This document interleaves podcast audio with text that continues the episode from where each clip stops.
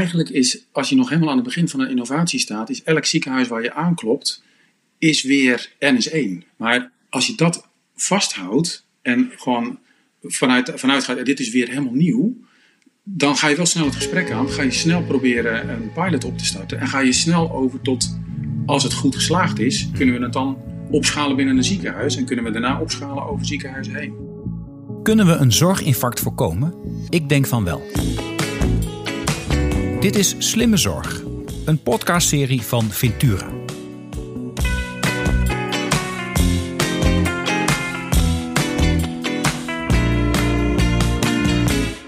Vandaag niet één, maar twee gasten in de Slimme Zorg podcast. Jos Knapen en Marcel Wilschut. Allebei omschrijven zichzelf als innovatiefiguur in de ziekenhuizen waar ze werken. Gezamenlijk hebben ze, samen met Ralf Bouwman, het rapport InnoVraag opgesteld. Waarin ze in twaalf zogeheten open deuren inzicht geven hoe innovaties in ziekenhuizen een succes kunnen worden.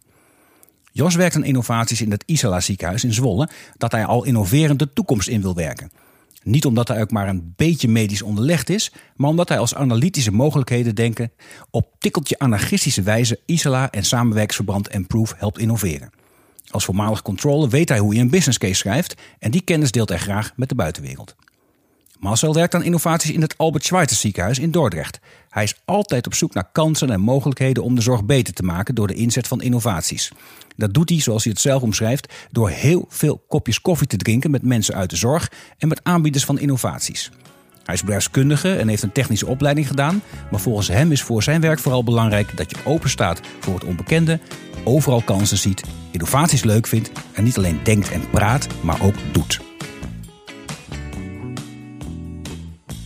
Marcel en Jos, welkom bij de Slimme Zorg podcast.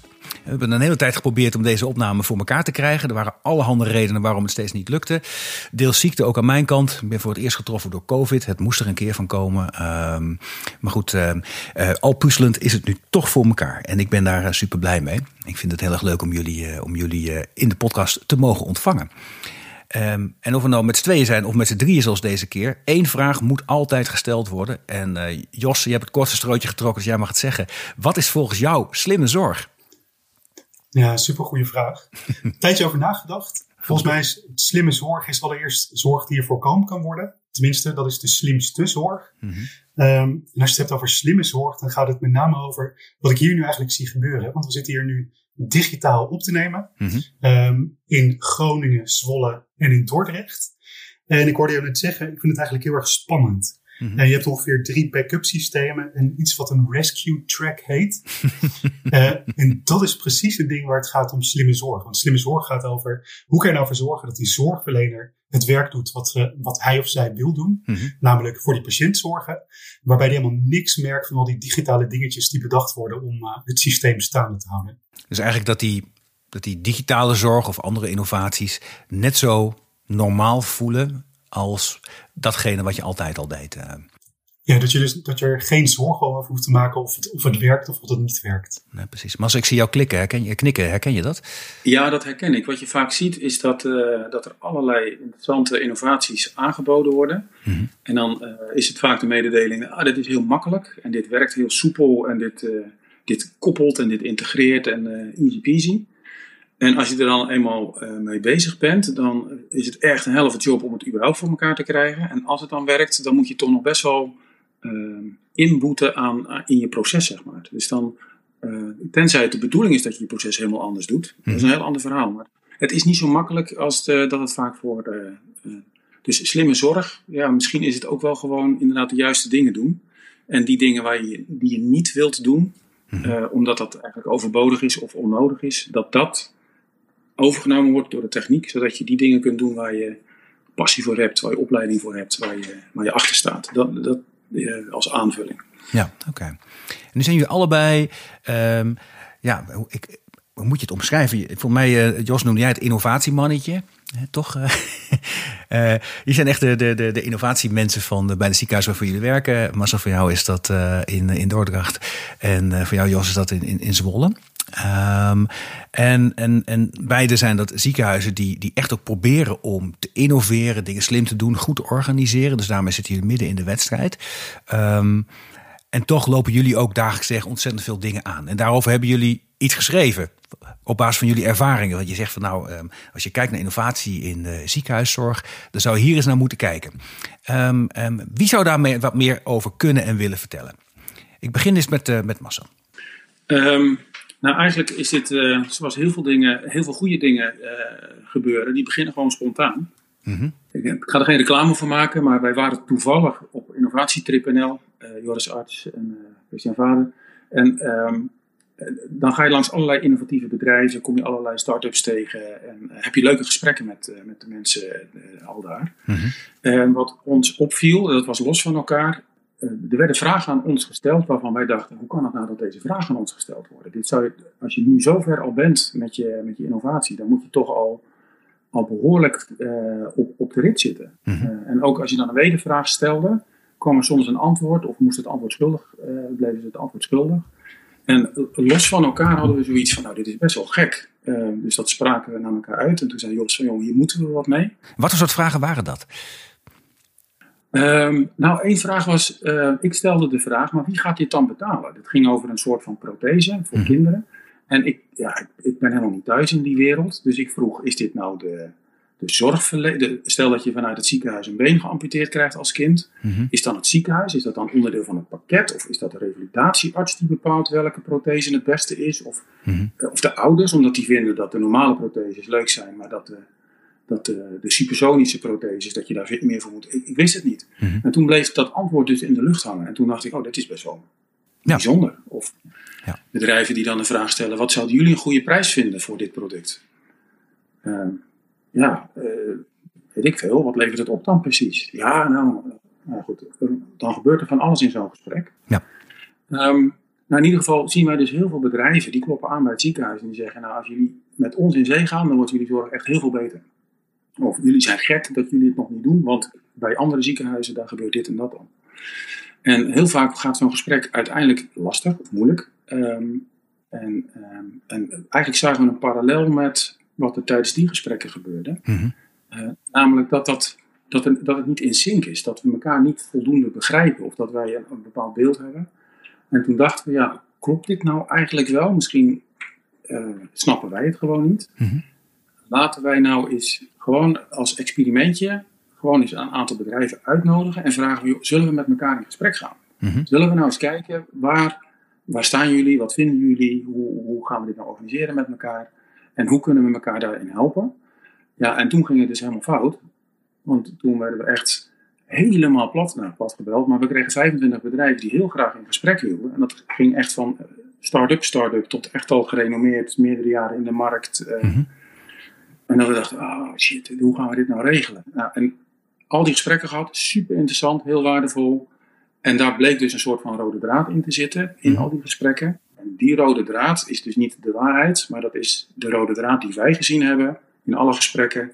Uh, en dat hebben we in dit rapportje uh, Innovraag hebben we dat gezet, omdat wij dachten, oké, okay, als elk bedrijf in elk gesprek tegen zulke dingen aanloopt, of elk ziekenhuis ook met deze vraagstukken loopt, mm -hmm. ja, misschien hebben mensen er wat aan. Dus het is eigenlijk gewoon helemaal per ongeluk ontstaan. Ja, interessant. Ook helemaal niet met de intentie om dit als een rapport op te gaan leveren. Oké, okay. maar goed, uh, er was overduidelijk uh, veel vraag. Want op het moment dat je die vraag stelt, mag ik met, met, mag ik met wat bedrijven in gesprek? Dan komen er in één keer 25 op de lijn. Ik vind dat nogal wat. Hoe heb jij het ervaren, Jos? En denk je die, die enorme ja, hoos aan, aan organisaties die zeggen van ja, alsjeblieft ga met mij in gesprek. Ja, misschien is die nog even, nog even een hele kleine nuancering op wat Marcel zegt. Mm -hmm. um, we hebben er specifiek voor gekozen om, uh, om het vooraf al innovraag te noemen. En om onszelf even buiten het ziekenhuis te zetten. Mm -hmm. Juist om te voorkomen dat je dat, je dat commerciële gesprek hebt met, uh, met, de, uh, nou met de innovator van dienst. Mm -hmm. um, dus we hebben ook een mooi formuliertje gemaakt die mensen vooraf moesten invullen. Met daarin de, vraag, de, de centrale vraag: waar loop je nou precies tegenaan als je het ziekenhuis in wil komen? Ja. Um, en dat heeft geleid tot, nou ja, we hebben een kleine filtering gedaan, omdat er toch best wel wat commerciële dingetjes tussen zaten. Maar dat heeft dus geleid tot echt hele goede formulieren met echt hele goede vragen. Mm -hmm. En dat ging van nou ja, market entry tot financiering en van, nou ja, ga zo maar door. Oké. Okay. Dus je hebt van tevoren wel gestructureerd om te zorgen dat je de juiste antwoorden kreeg. Maar desalniettemin bleek daar dus een enorme vraag te zijn. Een heel grote behoefte aan organisaties. Van hé, hey, ik, ik kan innoveren. Ik wil innoveren. Um, ik wil in die ziekenhuiswereld wat betekenen. Ik denk het ei van Columbus te gevonden te hebben. Um, Maar ik vind het toch heel lastig om verder te komen. En aan jullie kant, de wereld, van we worden continu bestookt met van alles, nog wat, wat heel erg innovatief zegt te zijn en wellicht ook is. Maar we hebben te maken met een hele ingewikkelde, taaie werkelijkheid waarin we ook moeten zorgen dat het echt werkt. En van daaruit zeg je van nou, laten we, eens, laten we het eens gaan opschrijven. En dat is dit, uh, ja, je noemt het een rapportje. Ik vind het bijna een pamflet, een soort manifest van hé, hey, dit zijn de inzichten die wij hebben. Dus dat, een sorgerend uh, rapportje. Maar het is wel, het is wel boeiend dat die. Um, ik heb nu best wat ondernemers gesproken over dit rapportje. Mm -hmm. Blijkbaar staan er heel veel dingen in waarvan mensen dus echt niet wisten dat ze zo waren. En voor ons zijn het open deuren. Mm -hmm. uh, en blijkbaar zijn er ook programma's waar je in kan zitten. Of je, we zijn in Nederland best wel goed in het ontwikkelen van ondernemerschap. Mm -hmm. We merken gewoon, we zijn minder goed in dat stukje ervoor. Welk probleem los je op? Um, vroeg in gesprek met jouw idee, met de zorgverlener die het moet gaan gebruiken. Mm -hmm. uh, gewoon zulke hele basale dingen. Uh, aannames dat je, je moet altijd bij de zorgverzekeraar aan tafel zijn. Nee, dat is niet zo. Um, dus ergens is het wel een waardevol pamflet of manifest.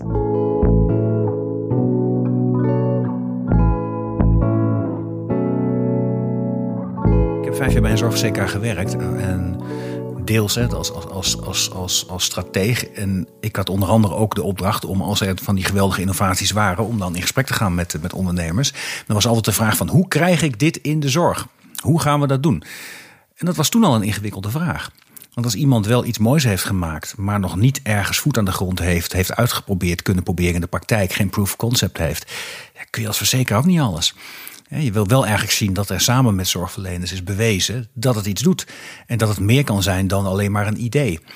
Uh, aan de andere kant zegt die innovator dan: ja, maar ik heb wel geld nodig om verder te kunnen. Waar haal ik dat dan vandaan? En dan wordt de verzekeraar als geld gezien.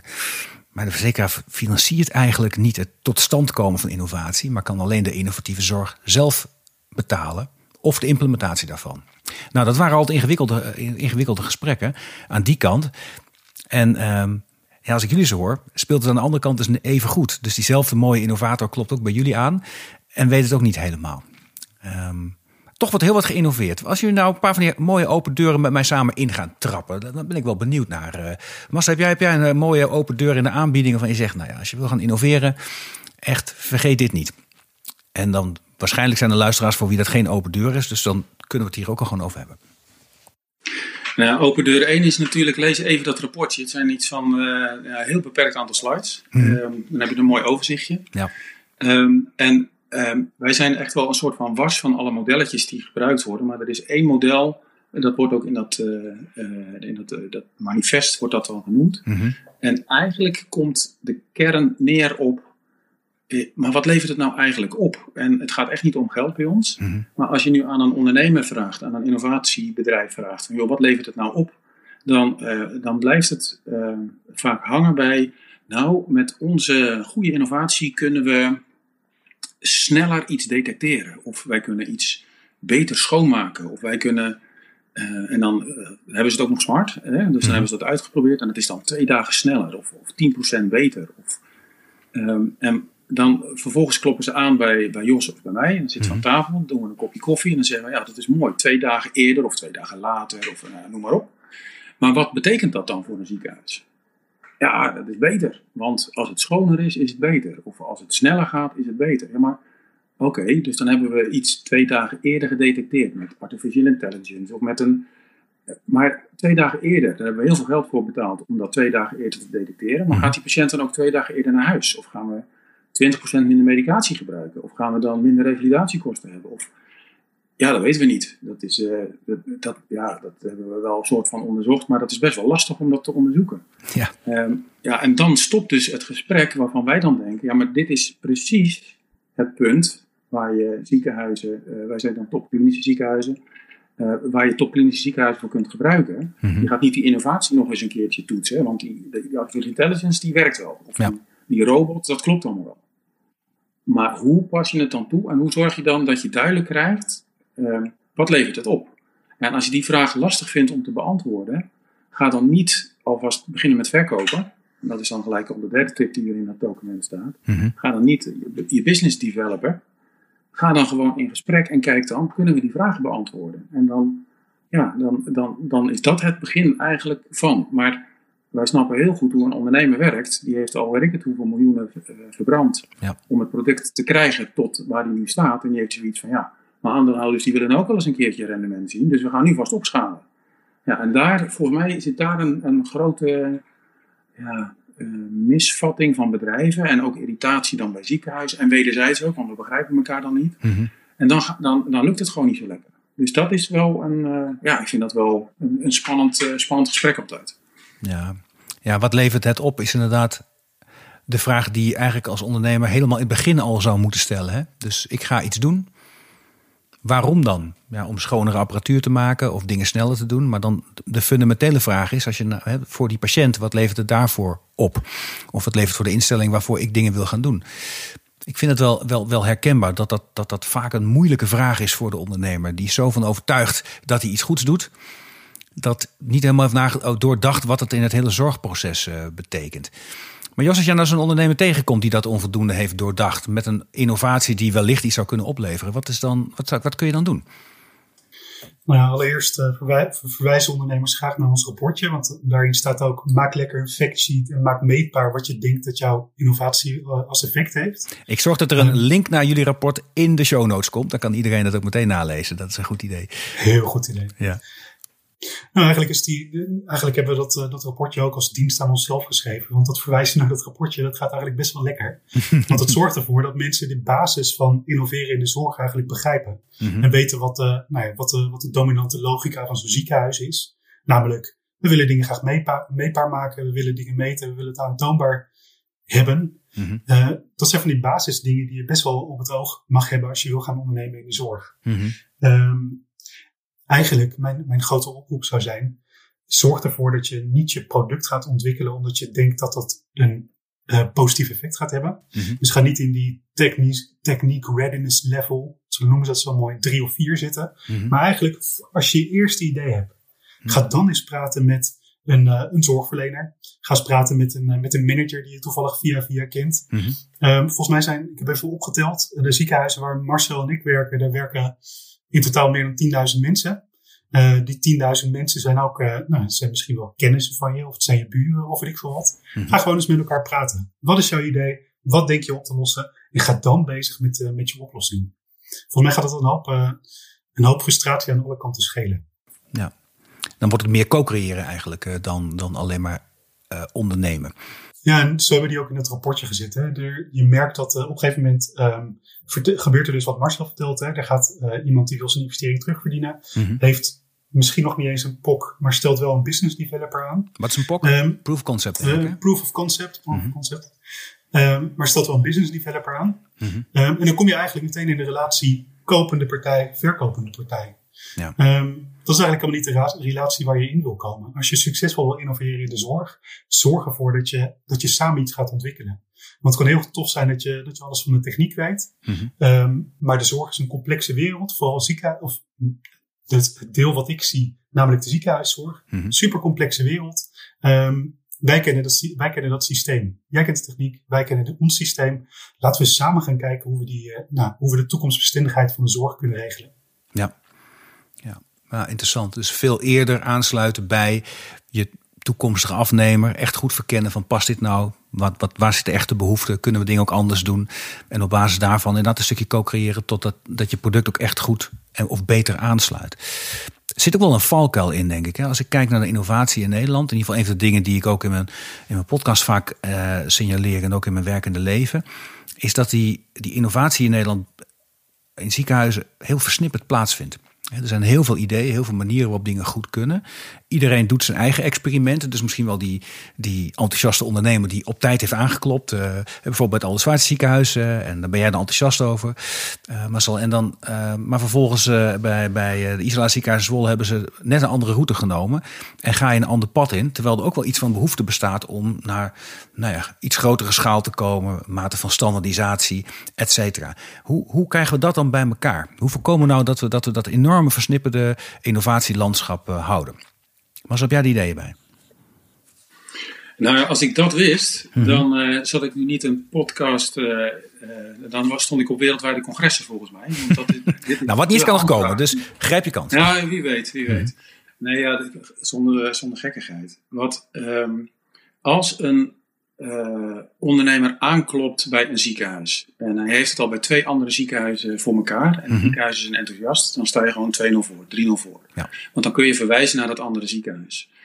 Um, wat, uh, wat wij vaak merken, en dat is geen oordeel, maar dat is gewoon wat we tegenkomen, is dat het dan bij één ziekenhuis, bij één afdeling, bij een beperkt aantal dokters is, uh, is geïntroduceerd.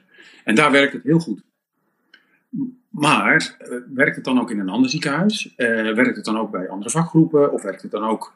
Dus in de klinische setting werkt het goed, maar op de RGH, daar hebben we toch een hele andere dynamiek en daar is het wat lastiger. Of, mm -hmm. Dus heb dan ook de, ja, de open mind als, uh, van, van beide kanten. Van joh, in de basis klopt het. Ik geloof wel in dit, dit systeem of dit product of deze verandering. Mm -hmm. Maar laten we het dan uitproberen bij ons in deze specifieke setting. En misschien durven we het niet aan, hè, want uh, uh, misschien is het wel spannend. Mm -hmm. of misschien vinden we het wel vervelend dat er uitkomsten uitkomen die niet zo goed zijn.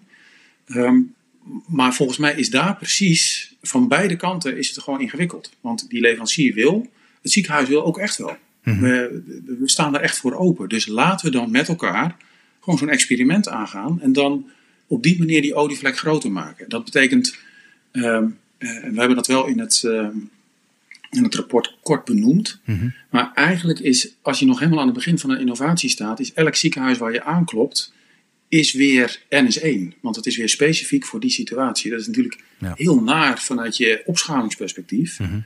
Maar als je dat vasthoudt en gewoon vanuit, vanuit gaat, dit is weer helemaal nieuw. Dan ga je wel snel het gesprek aan. Ga je snel proberen een pilot op te starten. En ga je snel over tot, als het goed geslaagd is, mm -hmm. kunnen we het dan opschalen binnen een ziekenhuis. En kunnen we daarna opschalen over ziekenhuizen heen. Mm -hmm. Wat wij merken is dat uh, een aantal leveranciers zeggen, ja het werkt wel.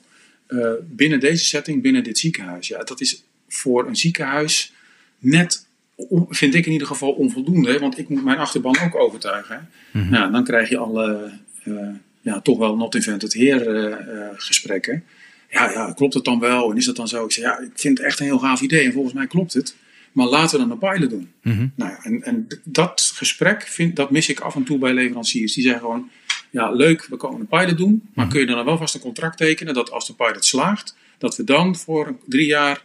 Ja, nee, niet. Laten we gewoon beginnen bij het begin. Mm -hmm. En als het echt zo goed is en als je er zelf van overtuigd bent, dan heb je zo'n contract niet nodig. Dan gaan we gewoon spelen met elkaar. En, en daar zie je gewoon het ondernemerschap wat wringt met um, ja, eigenlijk de, de toepassing of de, het, het, aantonen van. En, ja. uh, zorgen dat dat uh, overtuigend genoeg is. Um, ja, en dat is echt um, een spel, zeg maar, wat, je, wat we in de ziekenhuizen beter moeten leren. Want wat er nu gebeurt is inderdaad veel te fragmentarisch, want daar begon je vraag mee. Ja. Uh, iedereen doet het weer een keertje opnieuw, niemand vertrouwt elkaar. Maar misschien is dat voor een deel terecht, omdat het ook echt anders is. En aan de andere kant, ja, als een aantal ziekenhuizen of een aantal dokters iets gedaan hebben, dan zie je toch wel dat mainstream op een gegeven moment toch opgeschaald gaat worden. En, dat, uh, ja. en je ziet het met Zorg naar Huis. Er zijn een aantal grote partijen die daar nu uh, producten voor hebben. Mm -hmm. Het lukt wel. Nog steeds lastig. Blijft ingewikkeld, maar het is niet onmogelijk. Nee, dus maar mijn, mijn afkeer van wat ik wel de pilotitis noem, zeg jij van ja, daar ontkom je ook niet helemaal aan. Je moet ook echt wel in de nieuwe situatie van een nieuw ziekenhuis wel weer even opnieuw kijken van werkt het hier of hoe krijgen we het hier werkend. En die, die aanloop moet je steeds wel doen. En als je dat heel vaak hebt gedaan, kan het wel steeds sneller gaan.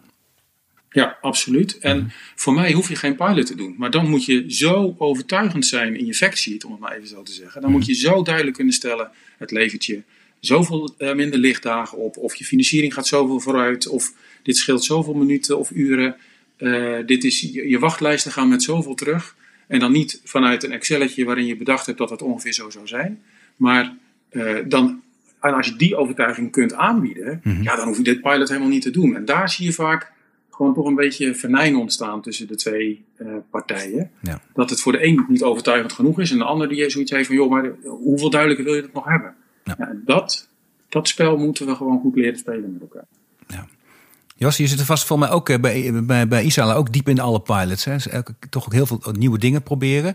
Of probeer je toch ook wel heel veel te leren van andere ziekenhuizen om dat te kunnen versnellen? Nee, leren zit er sowieso in. Nog even één dingetje aanvullend op wat, wat Marcel net zei. Mm -hmm. um, eigenlijk hebben ziekenhuizen niet per definitie het belang op, om de innovatie op te schalen. Sterker nog, als je nu simpelweg naar het systeem kijkt, dan hebben we een systeem waar elk ziekenhuis een aparte, uh, eigenlijk commerciële onderneming is. Mhm. Waarom zou je een ander ziekenhuis gaan helpen met een, uh, anders dan met je maatschappelijke, uh, vanuit je maatschappelijke uh, doelstelling? Mhm. Dus dat is eigenlijk best wel een gekke dat we nu zeggen, ja, we, de opschaling lukt niet. Eigenlijk is het wel logisch, want we hebben ook een systeem dat niet zorgt voor die opschaling. Nee, het prikkelt niet de samenwerking, zeg je. Nee, precies. Mhm. En die, uh, ik ga zo meteen nog even een paar keer Improve noemen. Dat is de samenwerking waar we samen in zitten. Mhm. Um, maar daarvoor nog eventjes. Het grappige is dat die, um, we vinden altijd heel veel van, uh, van China. Mhm. Maar het grappige is dat als je kijkt naar hoe innovatie in China werkt. Daar hebben ze best wel veel ziekenhuizen. Daar zeggen ze, oké, okay, deze groep met ziekenhuizen gaat zich volledig richten op puntje, puntje innovatie. En als het daar werkt, gaan we het opschalen over het hele land. Ja. Um, dat systeem hebben wij gelukkig, nou, gelukkig niet, hè, want dat zorgt ervoor dat we zelf die flexibiliteit kunnen kiezen en zelf de accenten kunnen aanleggen. Mhm. Er zijn best wel wat voordelen aan het systeem, want daarmee uh, voorkom je wel dat die, dat die, nou ja, die chronische pilotitis uh, ontstaat. Mhm. Ja, Nee, dat klopt. Dat klopt. Nou, dat is überhaupt in elk soort systeem is dat een uitdaging. In het, in wat gefragmenteerde Nederlandse systeem uh, is er veel innovatie, omdat er, veel die, omdat er ook veel diversiteit is. Hè. In een divers landschap kun je heel veel verschillende dingen uitproberen en kijken of het werkt. Dus in de basis ook voor die ondernemer is er, als hij echt zijn best doet, waarschijnlijk wel ergens een één of twee aanbieders te vinden die geïnteresseerd zijn om dingen uit te proberen. Uh, dus dat is mooi. En het nadeel is dat als je eenmaal ziet dat dingen werken, dat het schaal krijgen, opschalen, dat het ingewikkeld is. Ja, dat, dat, proberen, dat proberen we wel. Hè? Want we hebben, mm. uh, onze ziekenhuizen werken samen in het Improve samenwerkingsverband. Mm -hmm. Je hebt Santion, waar, waar meer ziekenhuizen elkaar of zich verenigd hebben om, uh, Ja. om die opschaling beter te kunnen doen. Dus we proberen het echt wel. Maar het, het gaat niet, uh, niet zonder slag of stoot. Want aan de ene kant denk je, ziekenhuizen zijn uniforme organisaties. Mhm. Tegelijkertijd zijn het ook volledig verschillende organisaties, wat Marcel net zei. En ergens in die, ergens in die mix moeten we de goede keuzes maken. Nee, dat klopt. Nee, dat klopt. En je ziet ook een verzekeraars daar een steeds grotere rol in ver- vervullen. Omdat die veel van die pilots betalen. En ook wel zoiets hebben van ja, als ik eenmaal in drie ziekenhuizen een pilot heb betaald en iets werkt. Dan zou ik heel graag willen dat ik bij de vierde kan zeggen laten we het zo gaan doen. En niet opnieuw weer een pilot moeten betalen. Nee, Eh, precies. En dan, dan zou het het mooiste zijn als het ziekenhuis zelf een belang heeft bij de opschaling van het, van het product. Die hebben we ook in Mhm. open deur nummer 9 neergezet. Ja, kijk eens aan. Ja, dat is een goeie. Nou, maar er is toch wel één belang, eh, heren, waarvan ik denk dat dat voor elke zorgaanbieder op dit moment speelt. Namelijk, eh, de mensen raken op. En de zorgvraag neemt bepaald niet af. Ehm, nou weet ik ook wel dat in een, in een, in een, in een ziekenhuis, die, die hebben dan nog tussen aanhalingstekens de luxe positie dat als het te druk wordt, kun je nog een wachtlijst hanteren. Eh, dat, dat kan nog. Vindt niemand wenselijk. Hè? Dus je zet niet voor, voor je plezier mensen op een wachtlijst. Maar die ruimte heb je nog. Uh, maar dat kan ook niet oneindig. En er komt ook wel een keer iemand die zegt: joh, je hebt nog zorgplicht. En we hebben het met elkaar te doen. Dus mensen raken op. Uh, geld raakt een beetje op. Maar daar kun je het dan nog over hebben. En in, in de rest van de maatschappij is zo dat als je te weinig mensen hebt, is er maar één manier om, om toch te zorgen dat je je, je ja, het verschrikkelijk woord productie haalt. En dat is innoveren dan moet je wel. Is dat niet de prikkel die het nu toch echt wel heel erg op de zorg ligt om wel degelijk vaart te gaan maken met meer innovaties? Uh, maar dat, dat hoor je ons ook niet zeggen. Hè? Wij, ja. zijn, wij zijn de grote blijkbeslechters van het moeten innoveren van de zorg. Ja. Dus daar, daar zijn we het volledig over eens. Oké. Okay. Ja, je zegt alleen bij by design, zoals we het, stelsel hebben ingericht, is het opschalen van innovaties en het van elkaar leren, is, daar zit daar niet standaard in gebakken. Dat, dat zul je moeten gaan organiseren links op rechts, want anders dat gaat niet vanzelf.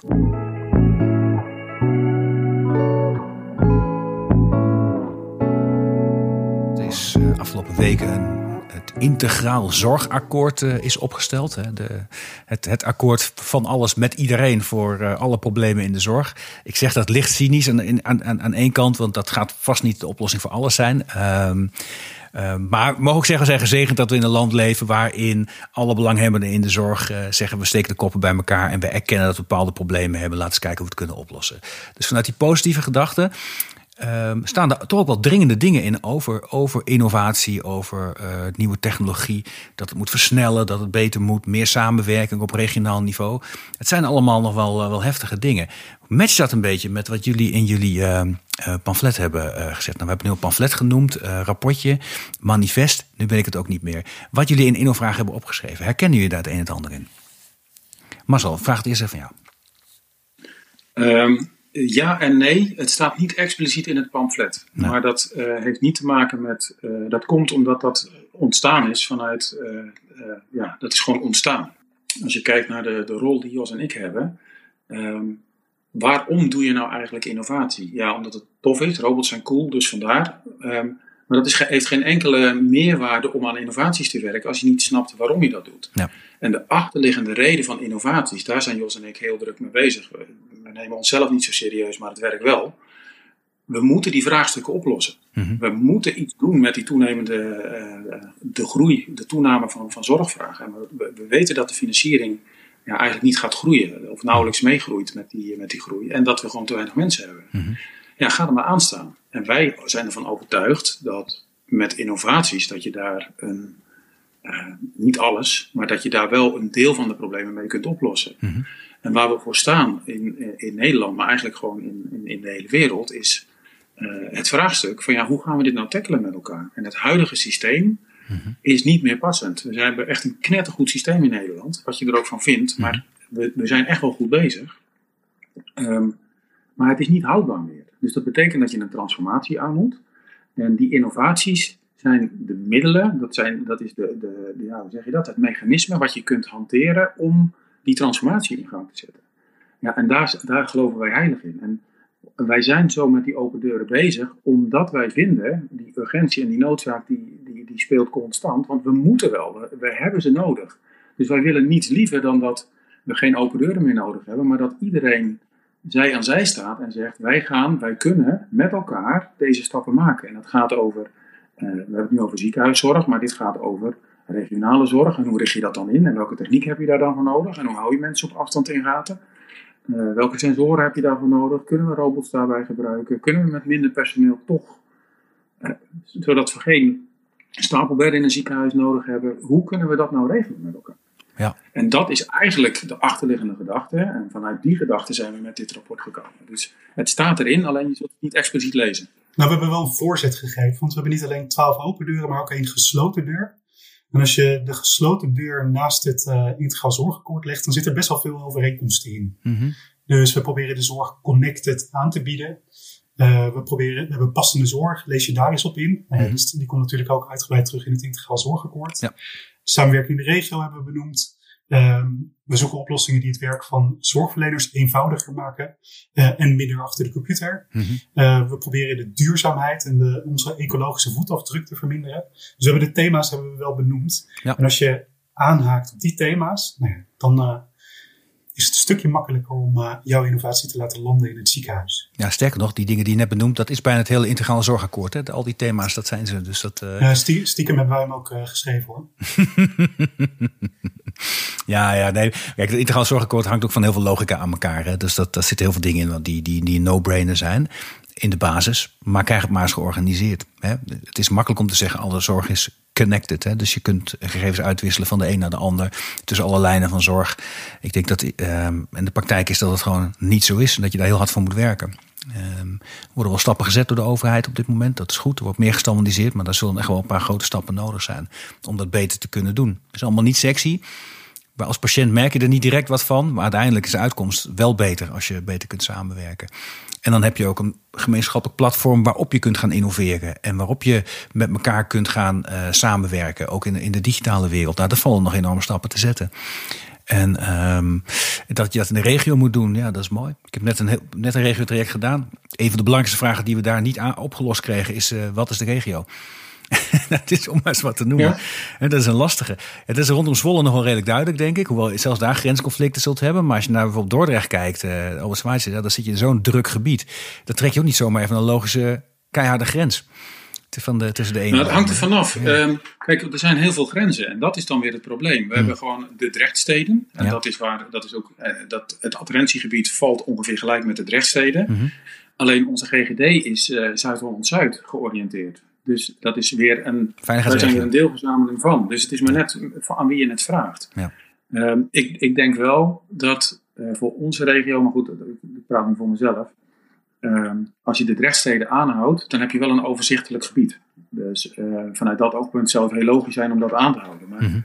ja, dit is, maar zo complex is het dus. Als je al de discussie moet gaan voeren over ja, regio's of, of, of, zorggebieden, zeg maar, dan, dan moet het echt wel beginnen daarna. Zelfs in Zwolle merk je dat hoor, want we zijn, we zijn natuurlijk een ziekenhuis, we hebben een locatie in Zwolle, we hebben een hele mooie locatie in Meppel. Mm Ja, dan zit je in twee andere, twee verschillende provincies zit je. Ja. Uh, sterker nog, we leveren zorg aan een stukje waar Gelderland ook. Dus die regio, zelfs in Zwolle, uh, Meppel, herken, herken ik die regio-discussie zeker. Ja. Ja, nou, dus we hebben wat dat van alles te doen. En dat kunnen allemaal redenen zijn om niet in beweging te komen. En jullie zie ik juist meer het ongeduld van ja, we moeten in beweging komen. Positief ongeduld. Want inderdaad, uh, we're running out of people. En innovatie is eigenlijk de manier om te voorkomen dat mensen zonder zorg komen te zitten. Eén van de. Mm -hmm. Oké, okay, ja, okay, er zijn er vast meer. Kijk, je kunt, ben ik met je eens. Vol inzet op preventie kan ook zeker helpen. Het is zelfredzaamheid, eigenredzaamheid, samenredzaamheid van mensen vergroten helpt ook. Als je kijkt naar het, dat hele verhaal rondom passende zorg gaat er ook over. Dat je, dat je die uh, uh, interventie toepast waarvan je zegt die levert de meeste waarde op. Dat betekent dus ook dat je heel veel dingen niet meer doet. Nou, dat is overigens ook nog wel interessant. Daar komt innovatie weer om de hoek kijken. Um, ben ik, dus er zijn meer dingen te doen. Maar goed, we hebben het vandaag over innovatie. Laten we zeggen, je komt er niet als je niet innoveert. Daar zijn we het over eens.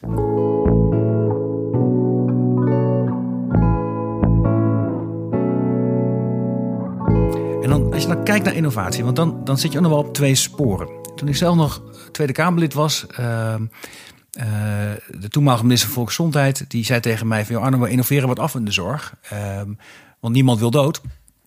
En dus elke keer is er wel weer een nieuwe therapie. En dat is innovatie. Uh, waardoor er meer mensen kunnen worden geholpen. Ook met ernstige aandoeningen, met allemaal narigheid.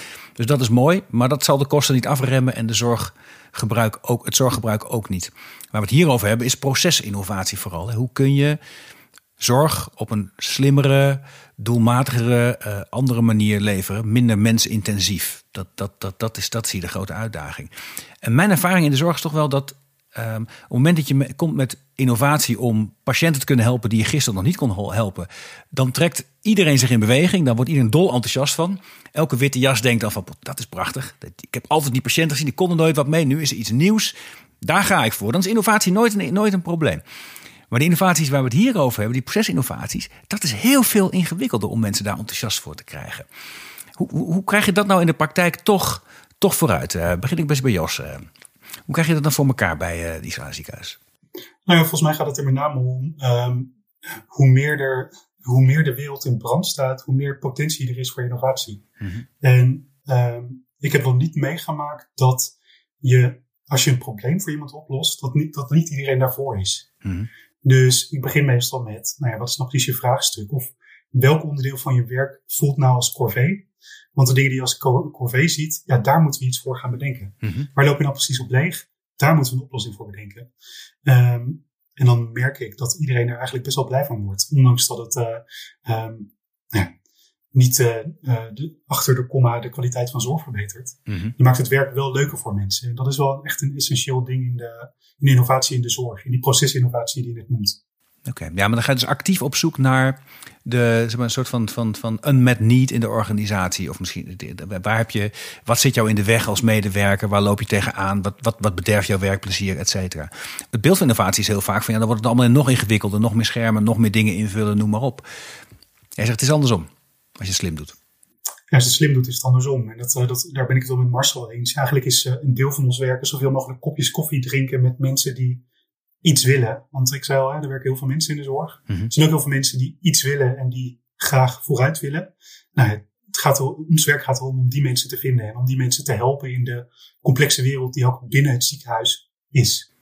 Ja, oké. Ja, Marcel, jij zei het net in het voorgesprek. Ik, ben, uh, ik drink heel wat koffie uh, in, in, de interne organisatie. Hoe gaat het in zijn werk? Hoe, hoe verhoudt zich het drinken van koffie tot innovatie in de ziekenhuis? Dat vind ik. Uh, want die open deur heb ik nog niet gezien in, het, in InnoVraag. Drink veel koffie, maar het is wel belangrijk. koffie drinken is echt heel belangrijk. Want um, innovatie wordt ook wel gezien als een soort van holy grail. En, uh, het is sexy en iedereen heeft dan gelijk de, de, groei van Facebook en van Amazon en weet ik het wat allemaal uh, ook in hun achterhoofd. Mm -hmm. Terwijl innovatie gaat eigenlijk over de vraag van ja, heb je een probleem, kunnen we het oplossen? En dan op zo'n manier dat je er echt blij van wordt. En mm -hmm. dat we dus een hele grote stap kunnen maken in plaats van steeds kleine verbeteringen. En natuurlijk heb je daar technologie voor nodig. Mm -hmm. uh, dan moet je dus snappen welke problemen de mensen hebben. Ja. En daarachter komen... Um, je komt er alleen maar achter door mee te kijken op een OK. Door mee te lopen op een afdeling. Door in gesprek te gaan met mensen. En, uh, en dat, dat, dat kan dus inderdaad iemand met een witte jas zijn, zoals je zei. Maar mm-hmm. dat kan ook iemand zijn van hygiëne en infectiepreventie. Die zegt, ja weet je, ik, ik, weet het ook niet meer. Ik heb nu al honderd keer uitgelegd dat handen wassen belangrijk is. Mm-hmm. En toch zijn er structureel afdelingen waar het minder goed gaat dan wat eigenlijk de bedoeling is. Moet ik nu nog, ik zeg nou ja, je kan een megafoon kopen, maar we kunnen ook gaan, gaan zoeken naar, maar wat maakt nou dat mensen, en kunnen we daar dan innovatieve, een game voor ontwikkelen die zo immersive is, ja, ik ga even Engelse termen praten, maar die zo in binnenkomt dat we dat het gewoon duidelijk is dat we dat handen wassen en overgeven van, van virussen en bacteriën, dat dat een groepsspel is en dat dat niet individueel handenwassen is. En dat we het dus met elkaar als afdeling moeten regelen. Mhm. Oh ja, ja, maar dan ga je het dus niet alleen over. Uh, uh, ja, dan ga je dus hebben over de, over de problemen van iemand, waar iemand zich echt druk over maakt. Ja. Ja, en als iemand zich er echt uh, over irriteert en niet alleen over schreeuwt van joh, ik vind dat jij dit moet oplossen, maar ik heb nu een probleem en ik wil een oplossing ik ben ook bereid om daar tijd in te stoppen, om mee te denken en om mee te helpen. Mhm. Ja, dan heb je een goede voedingsbodem voor, uh, voor, voor, de start van een innovatie. En dat kan dus ontstaan door binnenshuis te luisteren en koffie te drinken. Mhm. Nou, je mag ook buitenshuis koffie drinken door in andere ziekenhuizen te kijken wat daar gebeurt of in andere sectoren. En dan te kijken, kunnen we dat bij ons gebruiken? Of dat je gewoon met een bedrijf, een partij in, in gesprek gaat en uh, dat er dus een aantal innovatieve dingen ja, uitgelegd worden die je dan gaat proberen te plotten op de vraagstukken die je al eerder gehad hebt. Of gewoon de vraag stellen, hebben wij dit probleem ook? Want Ja. in dat ziekenhuis zijn ze dit nu aan het doen. Ja, ik eh, weet het niet of het zo is. Hoe herkennen jullie dit? En dat, dat is, ja, koffie drinken is de metafoor voor daadwerkelijk op hetzelfde level komen en snappen waar het nu eigenlijk over gaat. En dus ook echt heel goed begrip krijgen van de situatie overal en nergens in die, in die complexe ziekenhuisorganisatie. Wat speelt er nou echt? Waar lopen mensen nou echt tegenaan? Dat continu doen, zodat op het moment dat er aan de buitenwereld iets wordt aangeboden, of jij daar al buiten rondkijkend dingen ziet, dat je denkt van hé, hey, maar hier heb ik iets te pakken. Dat zou wel eens wat kunnen zijn. Hier kunnen wij wat mee. Ja, dat is interessant. Dat is, dat is, kan, kan, kan, een, kan een ziekenhuis zonder oliemannetje zoals jullie, uh, Jos? Of, uh, ik kan me haast niet voorstellen dat je, dat je dingen dan nog gecoördineerd en goed van de grond krijgt. Nou ja, je moet er niet een, niet een te grote broek aantrekken. Mhm. Maar ik denk dat het. Um, ik vertelde al, hè, die ziekenhuizen zijn gestructureerde werelden. Mhm. Met best wel een, uh, met duidelijke afspraken wie doet wat. Om uh, op die manier de kwaliteit van zorg zo hoog mogelijk te krijgen. Um, als je wil innoveren, betekent dat je iets anders moet gaan doen. En als je iets anders wil doen, dat betekent dus dat je die dominante logica moet gaan challengen. Marcel is begonnen met Engelse woorden. Dus, uh, ja, het is vreselijk. Ik, uh, ik, ik, ik, geef nu al excuses. Ik heb het ook al gedaan. Uh, het is, maar ik, vergeef het jullie. Nou, maar hopen dat de luisteraar het ons ook vergeeft. Dan komt het allemaal goed. En anders alle boze reacties die kunnen naar podcast.ventura.com. En dan komt het bij wel binnen. Dan, nee, wat je, dus, wat je dus eigenlijk wil is dat je die ruimte en die vrijheid zoekt. Uh, en dat kan, je, dat kan je in de vorm van een oliemannetje doen, of welke manier je het ook uh, doet. Maar je, je moet actief bezig met dat, met dat stukje veranderen. Het is echt iets wat je aandacht moet geven. En die aandacht die kan je vatten in bestaande structuren. Mm-hmm. Um, ik, uh, ik merk binnen ons ziekenhuis dat juist de strategische speerpunten goed aan, aanzetten en vervolgens wat vrijheid inbouwen voor andere ontwikkelingen. Dat werkt gewoon goed binnen ons ziekenhuis. En volgens mij werken Marcel en ik ongeveer op dezelfde manier. Dus ik kan me niet voorstellen dat het bij Albert Schweitzer niet op dezelfde manier zo werkt. Nee, ja, dat is uh, exact uh, wat, je, wat je hebt is een, uh, een strategie van een ziekenhuis. En je moet binnen uh, een jaar of vijf moet je, je bepaalde doelen behalen. Mm-hmm. Nou, als het goed is, is de ambitie in zo'n strategie, ligt de lat best hoog. Dus dan moet je volle bak moet je daarop op aangaan. En mijn overtuiging is dat je dan niet moet ge gebruik moet gaan maken van innovaties die echt helemaal nieuw zijn. Want je hebt geen tijd om binnen vijf jaar het te selecteren, het te piloten, uh, tot de conclusie te komen dat het daadwerkelijk waardevol is en dat we het dan bij meerdere afdelingen en dan nog die op, dat gaat helemaal niet werken. Dus je moet en uh, wel de innovaties van andere ziekenhuizen gaan kopiëren. Dus je moet een hele slimme kopieermachine gaan ontwikkelen. Dat is ook nog wel even een dingetje. Maar uh, dus dat moet je hebben. En daarnaast is het gewoon slim, althans ik vind het leuk om te doen, dus dan lijkt het alsof ik van wc eend aan het prediken ben. Maar dat mag hier vandaag. Ja, mag gewoon. Ja, nou precies. Nou, dan ga ik er gewoon even gênant misbruik van maken. ik denk dat je als organisatie er slim aan doet om ook na te denken over nou ja, 2050. en wat komt er dan op je af? Oké, als dat het geval is, dan moeten we nu misschien al een paar kleine stapjes in gang gaan zetten. En dan moet je, en dan ga ik even een paar hele rare dingen voor een ziekenhuis noemen, dan moet je misschien even nadenken, wat is jouw rol in de toekomst over preventie? Wat is mhm. jouw rol in de toekomst over mantelzorg of over nulde of over... Ehm, en wat dan met digitalisering van de zorg? Terwijl, weet ik het, hoeveel mensen gewoon niet in staat zijn om voldoende digitaal met de spullen om te gaan. Terwijl wij als ziekenhuis denken, nou, alles in apps, alles digitaal, alles ja, dan kun je wel denken, dat is niet mijn pakje aan als ziekenhuis. Nee, dat snap ik. Dat is het mhm. ook niet. Maar als je het niet gaat doen, dan ga je 2050, dat wordt wel ingewikkeld dan. Dus misschien moet je nu je experimenten doen. Nu bepalen wat is haalbaar, wat is niet haalbaar, wat vinden we er dan van. Ja, en als je die ruimte niet neemt, um, nou ja, goed, er zijn bedrijven die het niet gered hebben in de loop van de tijd, omdat ze te laat zijn begonnen met kijken naar de toekomst. Ik denk dat je er slim aan doet om dat te doen. Ja, en als je dan ook nog een paar mensen hebt die dat leuk vinden, ja, dan is het natuurlijk uh, ja, makkelijk geregeld.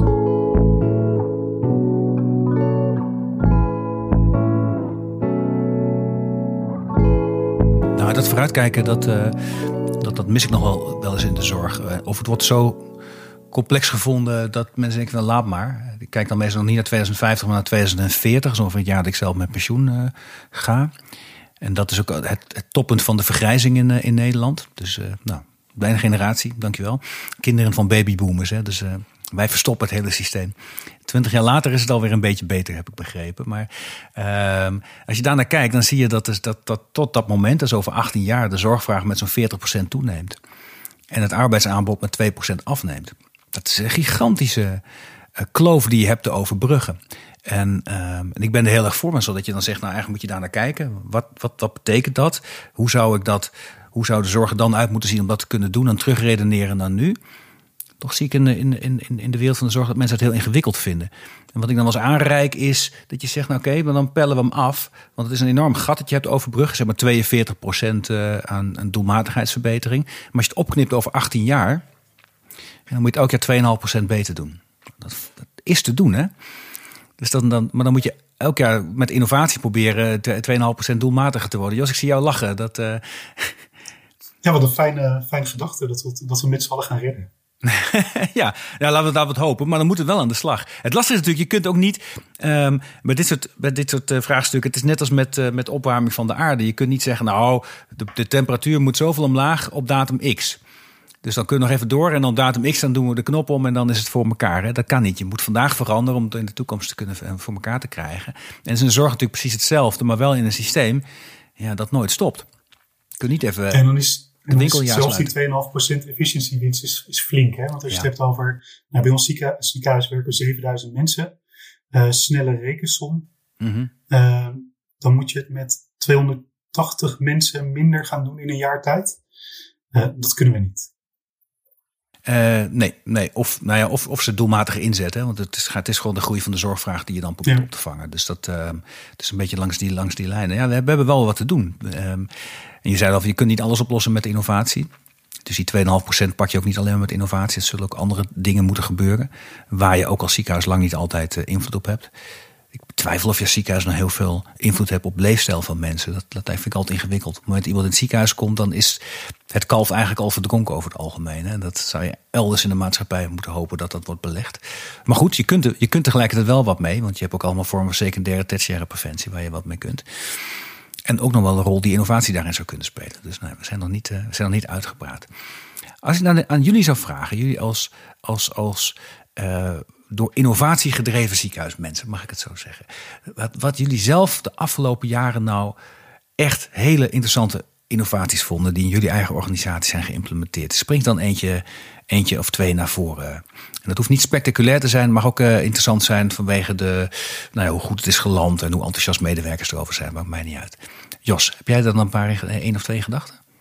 Even opletten dat ik geen, uh, geen repeterende plaat uh, word, maar um, we hebben een ziekenhuisdrone hebben we de lucht in gekregen. Mhm. Daar ben ik, dat is echt wel spectaculair, het spectaculaire ding waar ik best wel het meeste, meeste trots op ben. Want het spreekt natuurlijk heel erg tot verbeeldingen. Mhm. Ehm, als je volgens mij op innovatie googelt en je kijkt naar afbeeldingen, dan zie je elke keer iemand met een, met een VR-bril op. Mhm. Dus we hebben, eigenlijk hebben we symbolen nodig die laten zien hoe de, hoe de zorg zich gaat ontwikkelen. Ehm, en dat is wel echt een, dat vind ik echt een mooi symbool van hoe je personeelstekort personeelsproblematiek kan aanvangen door logistiek op een slimme manier te regelen. Mm Wat doet deze drone? Uh, brengt bloed en uh, urine heen en weer. Uh, hij moet tussen in avond en nacht moet hij gaan, moet hij gaan vliegen tussen Zwolle en Meppel. Mm en daarmee zorgen ervoor dat je um, niet meer 24-7 twee laboratoria de lucht hebt in, in hebt in een straal van 25 kilometer. Maar dat je op een nou ja, betere en efficiëntere manier omgaat met, met de schaarse mensen die, die je toch al hebt. Ja. En volgens mij zijn avond- en nachtdiensten nou, er zijn volgens mij wat onderzoeken naar wat dat doet in je, in, zelfs in je levensverwachting. Dus eigenlijk wil je zo weinig mogelijk mensen in avond en nacht hebben werken. Nou ja, op het moment dat je uh, innovaties kan bedenken of uh, piloten die daar een bijdrage in leveren, ja, dan heb je echt een dubbele winst te pakken. Ja, en die avond- en nachtdienst zijn ook de minst efficiënte dienst ook nog een keer. Dus de impact is heel groot. Maar dat zijn vaak ook niet de uren waarop mensen het meest productief zijn. Maar heel vaak zijn het beschikbaarheidsdiensten. Dus als je op minder locaties je dat hoeft te doen, hoe beter je mensen kunt benutten als ze zo'n dienst toch draaien. En uh, dit is wel een hele interessante uh, innovatie. Nou, eentje die zichtbaar is en tastbaar is, dat zien we niet zo vaak. Dus als we in, uh, straks in, in de, de kop van Overijssel of in het zuiden van Drenthe ergens een drone zien vliegen, dat zou die van jullie kunnen zijn. Maar hij is ja. s'nachts, hè? Dan valt hij wat minder op. Nou, hij is heel mooi, uh, heel mooi geel van de ANWB. Dus uh, die valt wel op hoor. Ja? Ook, ook s'nachts. Oké, okay. nou, misschien ga ik een keer een kijkje nemen. Ik vind het wel, wel een spectaculair uh, verhaal. ja, Marcel, jij, mooie innovatie. Misschien wat minder zichtbaar, maar kan mag ook hoor. Nou, ik, er schoten twee dingen door mijn hoofd heen. En die mm. eerste, ik ga hem toch doen. Ik ga even counteren op jouw leefstijl en preventie. Dat mag. Um, want uh, wat wij doen als ziekenhuis, dat heet met een heel ingewikkeld woord prehabilitatie. Andere ziekenhuizen doen dat ook, dus we zijn daar niet uniek in. Mm -hmm. uh, maar stel je wordt geopereerd voor een zware operatie, en bij ons in dit geval uh, longkanker, longoncologie, long mm -hmm. wordt er een deel van je long weggehaald. En wat we dan doen is, de twee weken voordat je geopereerd gaat worden, moet je gaan sporten, gezonder gaan eten, mindfulness gaan doen, nog een aantal dingen die daar mee van doen zijn. Uh, dan ga je veel beter de operatie in en kom je er ook veel beter uit. Mm -hmm. En dat is echt uh, dat is het verschil tussen wel of geen steunkousen, wel of geen rollator. Of, uh, dat is preventie, ja. daar zijn wij niet van. Maar toch zijn wij wel daarbij betrokken. Mm -hmm. En datzelfde geldt nu voor, voor leefstijl, waar we nu nog niet mee bezig zijn, maar alleen in pilotvorm. Dus het is nog niet definitief zo. maar ehm, je krijgt niet alleen een medicijn van de dokter mee, maar ook een verwijzing naar de leefstijlpolie. En dat is een eerste lijns poli, mm -hmm. waar we mee samenwerken. Um, maar dat, dat, dat, moet verbeterd worden. Dat moet, dat moet op een sterkere manier uh, verbonden worden met elkaar. Mm -hmm. We gaan geen preventie doen in een ziekenhuis. Dat moet je echt niet willen. Maar in de visie en filosofie van 2040, 2050 zullen we dit systeem anders moeten doen met elkaar. Dus dat, dat zijn innovaties die uh, niet of nauwelijks digitaal zijn, maar uh, gaan over procesdingen. En dan ga ik er toch eentje pakken, dat is dan een andere, wat Jos ook zegt. Het gaat niet om de robot die bij ons in het ziekenhuis rondrijdt. We hebben een bezorgrobot, we hebben hem Robin genoemd. En die brengt ook bloedproducten, medicijnen en, en, nog een aantal zaken van, van de afdeling naar het laboratorium of van de apotheek naar een andere plek. Um, maar dat ding is heel fysiek en heel, heel zichtbaar. En hij rijdt gewoon rond. Dat doet hij ook. En inmiddels doet hij dat. Uh, iedereen lacht er natuurlijk om. Maar hij doet het wel 80 uur in de week. Dus hij is echt. Uh, Geen gedoe met cao's. Of, per maand, sorry. sorry maand? Ik moet het nee. goed zeggen. Okay. um, dus dat, dat gaat echt wel over de serieuze, ja, serieuze uren. Mm -hmm. um, maar het staat symbool voor. We moeten de verpleegkundigen ontlasten. Je hebt de corvée-klussen die je niet door een verpleegkundige moet laten doen. Mm -hmm. En opeens zie je Elon Musk met zijn artificial intelligence ook een robot uh, op de markt gaan brengen. En hij zegt, ja, dit gaan we... Ja, wij hadden hem al. Hij gaat nog allerlei andere vormen krijgen. Mm -hmm. Maar we moeten de zorg gaan ondersteunen. Op wat voor manier dan ook. Het kan met een robot, het kan op allerlei andere slimme manieren. Mm -hmm. Zodat datgene waar de verpleegkundige voor opgeleid is, waar ze passie voor heeft, waar, waar, waar, waar die ook goed in is, dat dat blijft en dat alle andere dingen weggaan. En dat, dus ik vind dat altijd een hele fijne, omdat dat uh, en zichtbaar is en ook echt wel in de visie zit van welke kant we op gaan bewegen als ziekenhuis. Ja, ja. ja en die zichtbaarheid helpt ook natuurlijk intern in de organisatie dat je kunt laten zien dat innovatie uh, kan werken en ook daadwerkelijk taken uit handen neemt. Ja. Mooi. En eh, mooi ook om te horen welke, welke, welke, welke zaken je nou doet op het gebied van preventie. Dat beter in, beter uit ken ik inderdaad. En dat is, zijn fantastische initiatieven. Waar ook aardig wat wetenschappelijk onderzoek achter zit. Ik geloof hier in Groningen, de UMCG is daar ooit heeft een hele studie opgezet. En de impact daarvan was heel groot. En het organiseren bleek heel complex. Want heel veel mensen hebben dan toch geen fysiotherapie in een aanvullend pakket. En hoe doe je dat dan? En uh, noem maar op. Maar uh, ik heb, ik, wat ik ervan weet, dat was, waren de resultaten zo spectaculair dat uiteindelijk volgens mij verzekeraars zeggen: dit gaan we sowieso wel betalen, want het is belangrijk dat dat gebeurt. Nou ja, soms kan dus innovatie ook leiden tot, tot financiering, gewoon omdat het goed is, omdat we het allemaal willen. Ik ben onder de indruk van jullie, uh, van jullie, uh, van jullie inzet. Ik word er blij van. Ik word een glimlach uh, deze, deze podcast uitgeleiden. Ehm, ik zou iedereen willen oproepen om vooral jullie ja, manifest, pamflet, rapportje te lezen. Vind het in de, in de show notes. Um, en ik wil je heel erg hartelijk bedanken voor deze, voor deze opname. Yes, dankjewel. Ciao. Dit was Slimme Zorg, de podcast waarin nagedacht wordt over oplossingen waarmee een zorginfarct voorkomen kan worden. Een podcastserie van Ventura. Abonneer je op deze show via iTunes of Spotify en voel je vrij om een review achter te laten. Ik vind het zelf enorm leuk om te lezen wat jullie van de podcast vinden.